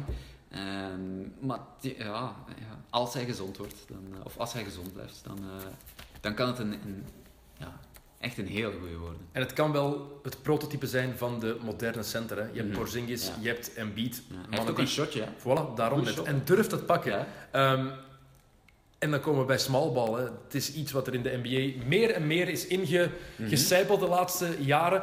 En volgens mij is dat ook de grote reden dat we die, dit jaar al die scoring bursts hebben. Dat we die hoge, hoge puntentotaal hebben bij alle ploegen en ook bij, bij de spelers. Als je kijkt naar wie er allemaal 50 punten heeft gescoord dit jaar, um, Isaiah Thomas, Jimmy Butler, James Harden. Uh, heeft Westbrook al een 50 punten, punten gescoord dit jaar? Of nog net niet? Het blijft, het blijft mm. komen. Ja. En mensen zeggen dan, er wordt niet hard genoeg, genoeg verdedigd. Wat dikke bullshit is. Hè. Eind jaren 80 nog nooit zo goed in elkaar zat. Voilà. Eind jaren 80 werd er minder goed en minder hard verdedigd als nu. Um, en, als mensen dat zeggen van hey, kijk naar de cijfers, kijk naar de matchen van die tijd en je, en je zal het zien. Eind jaren 80, begin jaren 90 werd er niet zo hard verdedigd als in de NBA nu. Het is ook moeilijker. Hè? Toen Derek Harper die zette zijn hand op de, de heup van zijn tegenstander en mocht zijn hand daar laten liggen de hele tijd. Nu is handchecking verboden. Dat maakt het al zoveel moeilijker om voor je man te blijven. Mhm. Ja, dat zie je ook als je die oude matchen van, of oude matchen, als, als je die matchen van Jordan in de jaren 90, hoe er toen gespeeld werd. Ook hoe Carmelo in de post tegen Rodman, ja, dat waren echt keiharde duels. Daar werd geduwd, daar werd getrokken. Het was een heel ander soort basket. Ja. Plus ook in, in de jaren 80, 90 waren er misschien tien spelers die een driepunter aan een deftig percentage konden shotten. Het waren dan ook de kleine namen. Een, een Legler, een Kerr. Ja, Mark Price. Ja. Zo, dat soort jongens. Dat was ook, en, en Chris Mullen. Dat waren dan de twee beste eigenlijk nog op dat vlak. Um, en dan, want, want zelfs een speler zoals Larry Bird bijvoorbeeld, die gekend staat als een van de beste shotters ooit. Ja, zoveel driepunters shotte hij ook niet per seizoen. Het, zat daar het was gewoon dus geen onderdeel van het spel. Het was een ander soort, heel ander soort basket. Je hebt, je hebt ja, de evolutie gehad met uh, Mike D'Antoni, de 7 seconds or less. Uh, dat was vroeger ondenkbaar. Als je een wedstrijd bekijkt uit, uit 697, bal overdribbelen, dan balletje rondspelen rond de driepuntlijn en dan in de laatste acht seconden werd, werd een drive ingezet of werd geschot. En heel vaak op het einde van de shotklok. Als je die finals van Chicago-Utah bekijkt, daar gingen ze met moeite over de 80 punten uh, in zo'n match. Dus dat is echt niet omdat er toen beter verdedigd werd, was omdat het spel gewoon anders in elkaar zat. En, en ja, ik denk als je nu ziet uh, hoe die, uh, defensie, die defensieve opdrachten in elkaar zitten, ja, ik denk dat ze nog nooit zo op zo'n hoog niveau verdedigd hebben in de NBA als nu. Wat wel duidelijk is, wat er terugkomt van die tijd uh, uit de jaren 90, is dat het terug bitsiger wordt in de NBA, heb ik de indruk. Ik heb gevoel dat veel meer spelers terug ruzie met elkaar zoeken. Het is zo, zo, zo ja. leem, gezegd. Maar kijk naar Wall en Crowder eergisteren, mm -hmm. die met elkaar aan de stok krijgen. En ik vind dat je dat meer en meer terug ziet komen, dat ze wat agressiever tegen elkaar worden. En ik, vind, ik hou ervan. Ja, als moet, niet, moet niet overdreven zijn, hè, maar... Je zou het, als je een, een verklaring zou willen zoeken, dan zou je eventueel als theorie kunnen nemen dat ze zijn in de NBA na uh, Detroit, Indiana, zijn ze als de dood voor grote vechtpartijen. De Malice en de Dallas, ja. ja die, je, had die vroeger wel, hè. Uh, in New York werd af en toe ook wel eens gevochten. Uh, dus je had, dat, je, je, had dat vroeger vrij, vrij vaak. Daar hebben ze nu zodanig veel schrik van dat de boetes heel hoog zijn, dat je ook heel lange schorsingen gaat krijgen. En ik denk dat dat bij de spelers zo'n beetje het gevoel geeft van we kunnen tot op de grens gaan en misschien zelfs over de grens in onze trash talk. En er kan wel iets meer, want veel schrik dat je het terugkrijgt.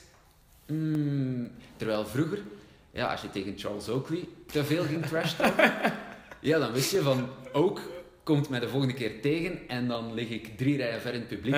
Dus dan waren ze misschien ook voorzichtiger in die trash talk, waardoor het misschien minder uit de hand zou een verklaring kunnen zijn. Maar ik vind het de laatste, de laatste maanden vind ik het wel terug veranderen. Vind ik het echt dat het terug aan het komen is. Dat, ook zo ja, als, als je praat tegen iemand, tegen iemand dat je weet aan de overkant, je kan wel eens een elleboog in je mhm. gezicht krijgen. Mm Pau Gasol heeft er pas zo in gehad van Dwight Howard. die hij echt niet had zien aankomen. En dat zie ik meer en meer gebeuren. En kijk naar Wall en Crowder. Ik zeg het twee nachten geleden. Eerst wat vriendelijk met elkaar lachen. Mhm. Je ziet dat ze aan het trash talken zijn. Ja. Tik je tegen het gezicht en hup. Ja. Het is vertrokken. Het wordt, wel moeilijker om... Ja, nu niet bij, bij zo'n geval. Maar het wordt wel moeilijker, vind ik, om te zien ja, wat opzettelijk is en wat toevallig is. Het is een beetje zoals in het voetbal. Hè. De elleboog was vroeger altijd heel duidelijk. En nu is dat zo wat moeilijker aan het worden van... Ja, zelfs bij die van Dwight Howard tegen Gasol had ik zoiets van... Is het nu echt bewust, bewust ja, ook mikken naar zijn gezicht? Ja. Of is het nou, nou, gewoon slordigheid, ellebogen ja, niet, niet, niet dichtbij houden en dan raak je hem toevallig het is, zo, het is vaak moeilijker om, uh, om, het, uh, om het te beoordelen, vind ik. Ja, het is, het is ja, Zeker ook bij interpretatie. Flagrant, bij flagrant falls, ja, de regels zijn, zijn echt niet makkelijk om in te schatten van, ja, is het wat is het, boven de schouders? Of, ja, ik vind het, ik vind het soms moeilijk om, uh, om te beoordelen. En, maar het mag gerust wat... Uh, ik heb er niks op tegen dat het wat bitsiger wordt. Het, een, het, enige het maakt het alleen wel... Het maakt het alleen maar leuker om, uh, om te kijken. En die rivaliteiten die heb je wel nodig. Dus het enige wat eruit moet blijven voor mij is... uit moet blijven, die flagrant fouls, is onder de spelers doorlopen. Ja. Soms wordt dat nog genegeerd, mm. wordt daar geen flagrant aangegeven. Ik vind dat altijd uitsluiting, ja. meen ik echt. Mm -hmm. um, onder een speler doorlopen is het gevaarlijkste wat, wat er bestaat. Mm -hmm. Een speler die op zijn rug of op zijn nek valt. Ja dat is gewoon not done. En ik, mm. dat zie je af en toe nog wel in de NBA. Iemand die doorgaat voor de dunk en dan nog een duw tegen de onderrug geven of tegen de onderbenen. Ja. Je kan zo gevaarlijk vallen. Um, en nadat ik Paul George zijn beenbreuk heb gezien, um, ja. wat zonder contact was, uh, sindsdien heb ik altijd een beetje schrik als ik... Wie was het? Porzingis was het een paar maanden geleden. Die, die mm -hmm. binnen dunkt en heel vreemd neerkomt. De fast break alley-oop. Mm -hmm. En dan krijg ik echt schrik van... Man, echt, alsjeblieft, blaas uw, been, blaas uw knie niet op. Ja, alhoewel dat ik vind dat het bij spelers heel vaak... Ik zag vorige week een match, maar ik weet niet meer wie het was. Met een speler die, die um, nog probeerde om in de fastbreak iemand terug te halen. Die hem ook wat ongelukkig uh, aanliep. En die, die er zelf van schrok. En die heel snel ging kijken van... Oh shit, toch niemand, uh, ja. toch niemand ge, gewond geraakt. Dus ik denk dat de spelers zelf dat ze daar wel ja, rekening mee houden. Dat ze echt wel denken van, zo wil ik ook niemand uh, zijn, zijn, uh, zijn seizoen uh, kapot maken. Tuurlijk. Alleen als het hoger op is, als het ja, tegen, net boven de schouders is, dan wordt er wel vaak eens ja, doorgehakt. Mm. Dus, en daar heb ik ook minder problemen mee. Um, we hebben het nog maar amper over jouw ploeg gehad. We moeten het even over de Knicks hebben. En over de situatie van de laatste week. Ja. De situatie Derrick Rose. Mm -hmm. um, het is heel vreemd. Hè? Een wedstrijd tegen de Pelicans. Derrick Rose komt niet opdagen, is daar niet. Uh, ze vragen aan de club, communiceert zelf van ja, um, Derrick Rose speelt niet mee omdat hij hier niet is. Mm. Dat was het. Hele vreemde communicatie ook van uh, New York. Heeft niks laten weten, pakt zijn telefoon niet op, laat ook zijn agent niks weten. Ongelooflijk amateuristisch. Um, dag erna blijkt dat hij bij zijn familie was. Ja. Een noodgeval. Wat daar precies gebeurd is, weet nog altijd niemand. Was het Noah niet die hem als eerste bereikt ja, Na de match heeft Noah, Joachim Noah gezegd van... Um, Derrick Rose is oké. Okay. Trouwens, Noah moet het ook kotsbeu zijn om altijd te reageren mm -hmm. voor Derrick Rose. Mm -hmm. Zoals van de tijd van Chicago dat dat zo is. Maar ik vind dat zo'n vreemde situatie. En ik kan mij ook niks herinneren in deze aard. Ik denk dat het nog nooit gebeurd is dat een speler niks heeft laten weten. Het is de minste moeite om een sms te sturen naar je trainer. Je hebt bijna allemaal een persoonlijke trainer bij, de Knicks, eh, bij, bij je ploeg. Um, na, sms naar BJ Armstrong. Er is een noodgeval, verwittig jij de club. Mm -hmm. Iets. Een sms, ja. hoe lang duurt dat? Vijf seconden? Mhm. Tien? Mm -hmm. Ja. Ik denk dat het ook... Um, ja, we, we, weten natuurlijk niet wat hij, waarom, hij, waarom hij weg was. Um, maar wat ik nog vreemder vind, is de manier waarop hij terugkomt. en hij wordt niet geschorst. Hij krijgt, ja, komt er niet door in de problemen. Hij mag terug spelen en hij uh, speelt eigenlijk zelfs vrij goed de twee volgende wedstrijden. Ja. Ook in dat team zelf is daar niemand die daar blijkbaar iets fout over zegt.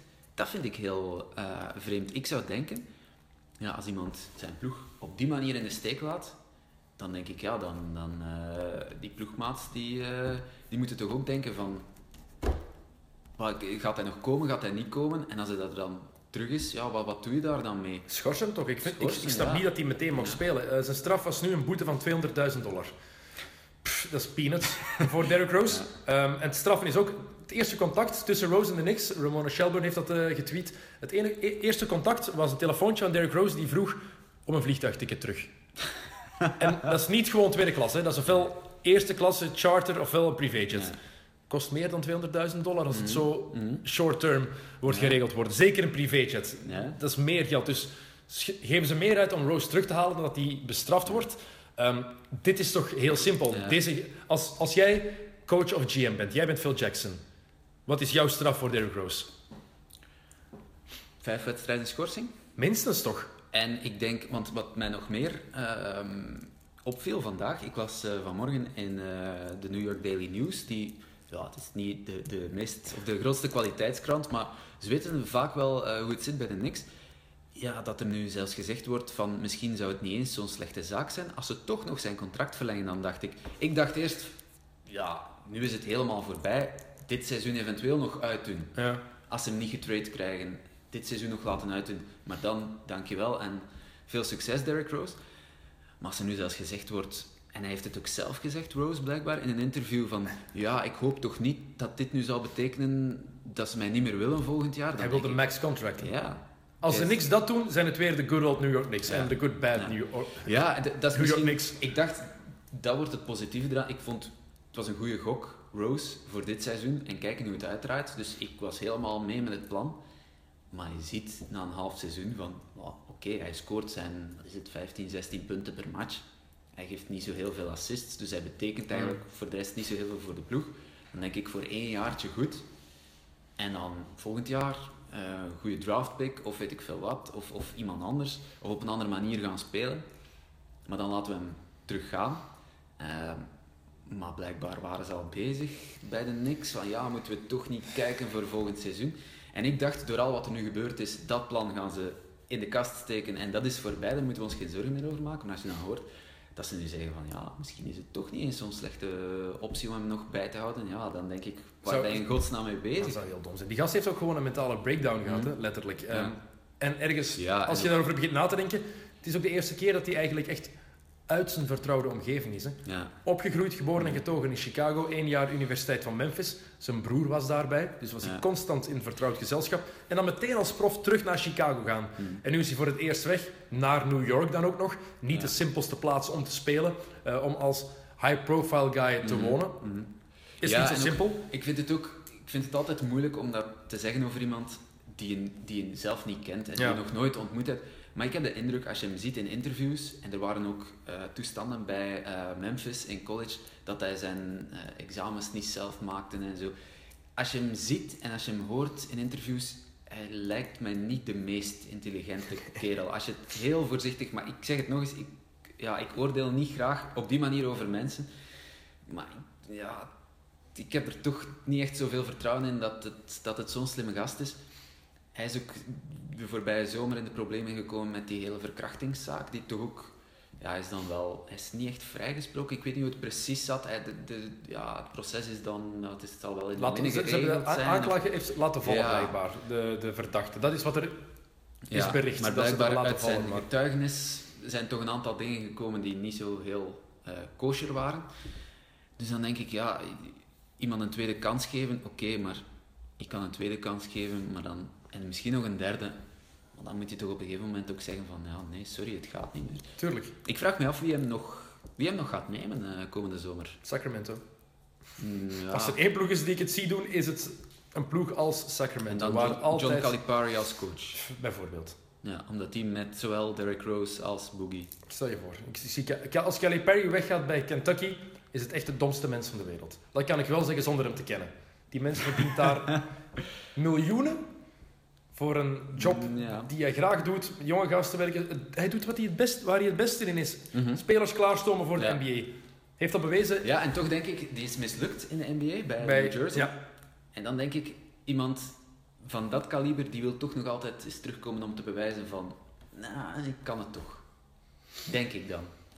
Eh, Rose Boogie zou trouwens totaal niet werken samen. Hè. Heb je Boogie gezien tegen de, tegen de reporters gisteren? Ja, ja, ja, Eh, dat hij vroeg ja. aan hen van, ja, willen jullie dat Willen ik jullie blijf? Eh, twee van die, supporters, eh, van die reporters, no. Wat had hij nu ook gedacht? Boogie is een eikel tegen die mensen. Terwijl dat het eigenlijk, als je hem ziet, bij, hij heeft dus bij Simmons gezeten, denk ik. En was hij eigenlijk nog vrij oké? Was het en dan nog een... maar daarna heeft hij Simmons geblok- geblokt op, eh, op Twitter, oké, omdat ehm, Bill niet voor hem gestemd had in zijn All-NBA. Echt waar. Oké. Dus ehm, echt volwassen is de Marcus Cousins eh, eh, nog niet. Hè. Ehm, Cousins of Rose, komen die in jouw All-Star team voor? In jouw starters voor Ik het All-Star game? ik was er net aan aan het denken. en Mijn, mijn All-Stars in het Westen, ja, Boogie. Boogie of Anthony Davis. Ik zou, ik, mijn eerste idee was Anthony Davis. Ik vind Boogie overrated. Boogie? Ah nee, ik vind Boogie wel... Ik heb hem ook twee keer in levende lijven zien spelen. Mhm. En ja, die heeft skills.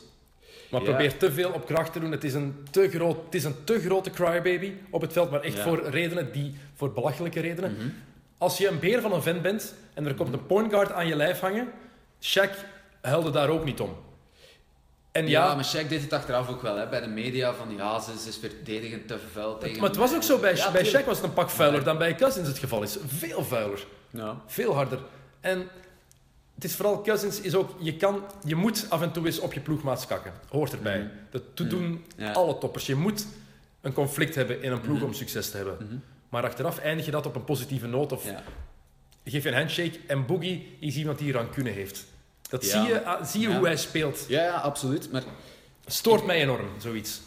Oké, maar ik denk ook dat hij... Dat is allemaal waar, hè, wat je zegt. Maar ik vind ook, als je die ploeg bekijkt... Ja.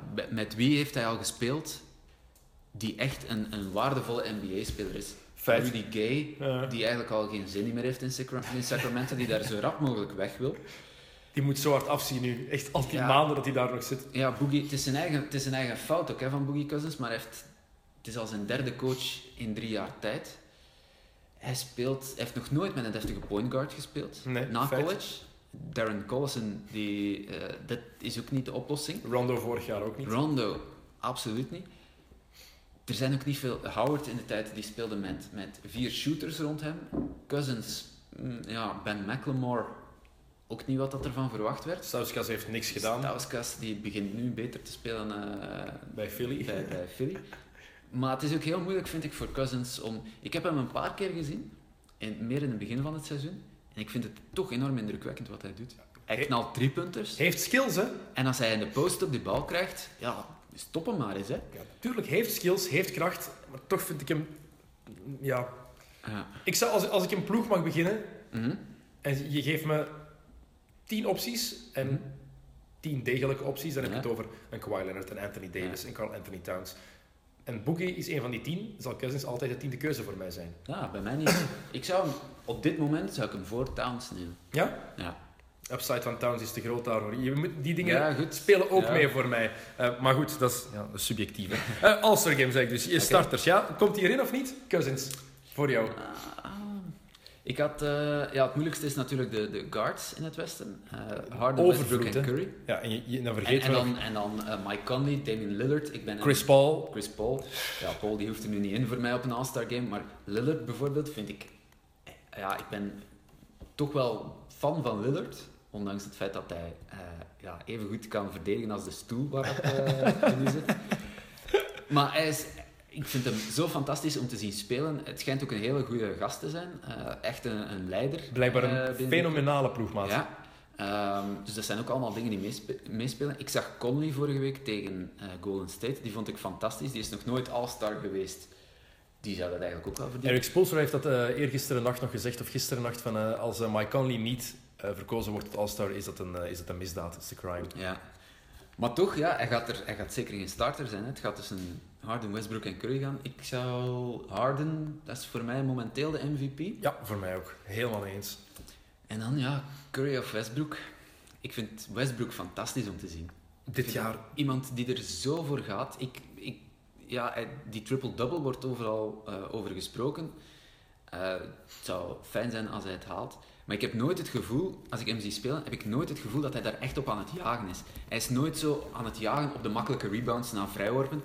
Hij pakt 10 rebounds per match, maar hij gaat ze ook wel echt gaan halen.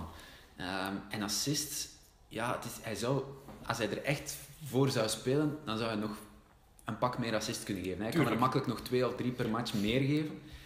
Eh, maar de, de intensiteit waarmee hij speelt vind ik zo fantastisch. Dus ik denk dat ik eerder voor Westbrook en Harden ga. Ik zou die twee ook pakken. Zeker een Harden sowieso trouwens. En Ehm, Curry dan van de bank. ja, moeilijk hè? Ehm, ja, heel moeilijk. Curry van de bank, dat is de tweevoudige MVP. Ehm, en dan de frontcourt. ah, ja, Kawhi Leonard, Kevin Durant kan je moeilijk rond. Voilà, logisch. Ja. En dan, En dan- Cousins of... eh, ja, misschien toch Cousins. Ik zou voor Anthony Davis gaan. Trouwens, Harden, eh, wat ik het strafste vind van Harden dit jaar, eh, is dat het de eerste speler sinds Tiny Archibald kan worden die de NBA aanvoert in punten en in assists. James Harden. Ja. Wie, had, als, wie dat, dat vorig jaar gezegd had, had je voor gek verklaard. Ja, eerder stel voor Mike D'Antoni ook, hè. Coach van het Die dat erin gezien heeft, die gezegd heeft van ja, die jongen kan veel meer dan, dan gewoon ja, fouten uitlokken. Het is, hey, Mike D'Antoni is dit jaar is voorlopig de coach van het jaar. Ik vind Harden ook de, in de discussie van MVP, LeBron is, altijd, is nog altijd de beste speler.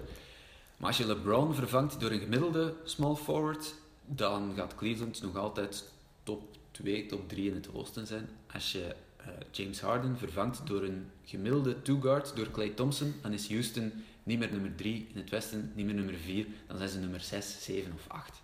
Of Dus negen. op basis daarvan denk ik dan van Harden dit jaar voor zijn ploeg echt zo belangrijk. Als hij dit, dit eh, niveau en dit tempo kan aanhouden de rest van het seizoen, dan denk ik dat hij MVP eh, moet worden. Het e- enige gevaar voor zijn MVP-kandidatuur is eh, het feit dat Russell Westbrook gemiddeld een triple-double kan hebben op het einde van het seizoen. En zeker Ja. in de States zijn cijfers zo Ja. belangrijk dat journalisten Ja. daar rekening mee gaan houden. En dat het voor hen overtuiging gaat zijn gewoon door te zeggen die gast heeft gemiddeld een triple-double. Mhm. Dat is toch maar de tweede keer ooit dat zoiets gebeurt. Dus krijgt Ja, hij mijn nummer 1 stem. Tien- binnen 10, 15 jaar kan je het moeilijk eh, verdedigen als je zegt van die is geen MVP geworden, maar die had een triple-double. Maar als Harden dan de NBA aanvoert in punten per match en, in assist per match, ja, dan, heb je wel... hetzelfde.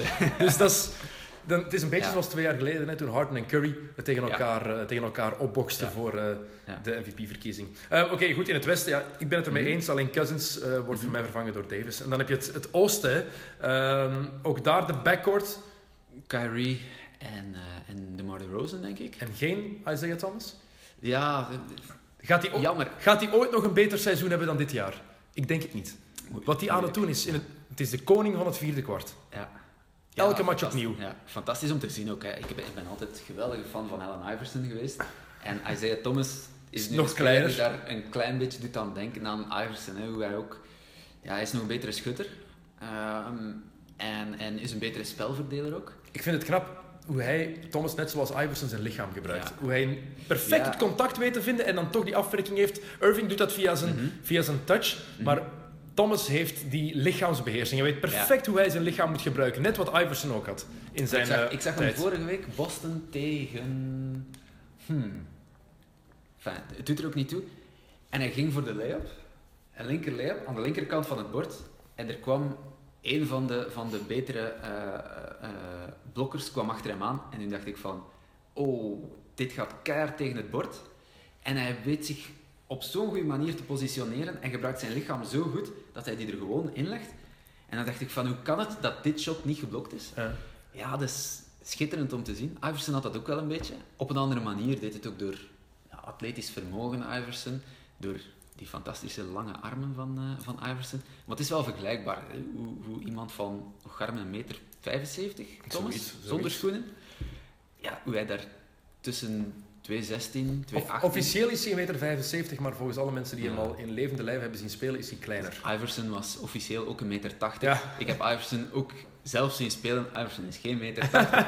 Iverson is een meter 77, 78 misschien. Ja. Die is kleiner dan, dan, dan dat ik ben. Dus ja, dus net, het wordt met schoenen gemeten hè, daar. Maar, eh, maar het, is, ja, het is jammer voor Thomas natuurlijk.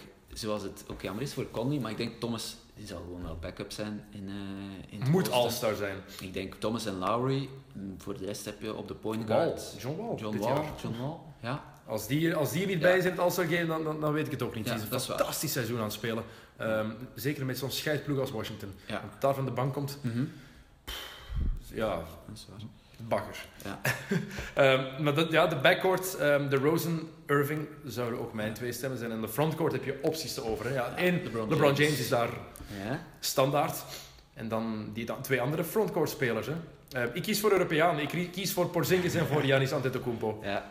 Porzingis als niks van... Kan ik moeilijk anders dan Porzingis eh, nemen natuurlijk. Ehm, Ik, ik negeer Kevin Love wel dan. Die absoluut Ja. een All-Star plek verdient. ja, Gaat sowieso verkozen worden, al is het als backup. zitten, maar. Ehm, ja, ik ben nooit grote fan van Kevin Love geweest. Ehm, maar hij speelt goed natuurlijk. Mm. Hè. Hij, is, hij is terug de Love, niet de Love van in Minnesota. dichtbij. Hè. Maar hij komt er toch, eh, hij komt er toch dichtbij. Ehm, ja, die derde frontcourt-speler.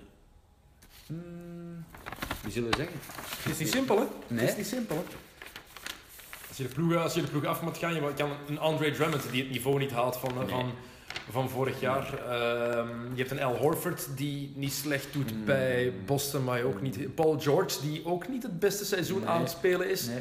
Ehm, zo kan je wel blijven gaan. Eh, Hassan Whiteside, Nee.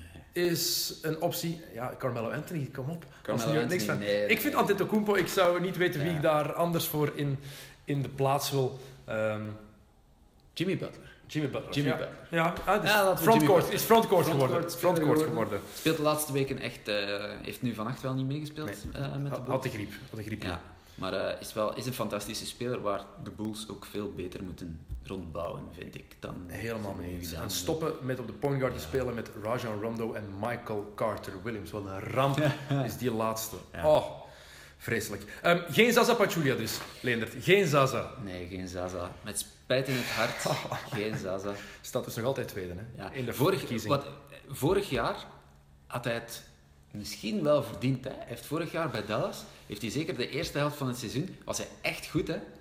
Maar nu is het, nu is het belachelijk. Het is Maar- een all-star game ook. Come on.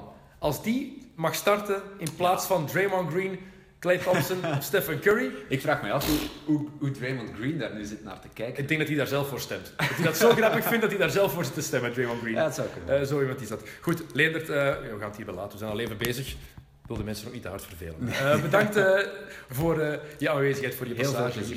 hier. Eh, ja, tot de volgende keer. Eh, bedankt u voor het luisteren. Ik weet dat u kan u abonneren eh, via Soundcloud of iTunes. Roll, then we let it pop, don't let it go. X gon' give it to ya, he gon' give it to ya. X gon' give it to ya, he gon' give it to ya.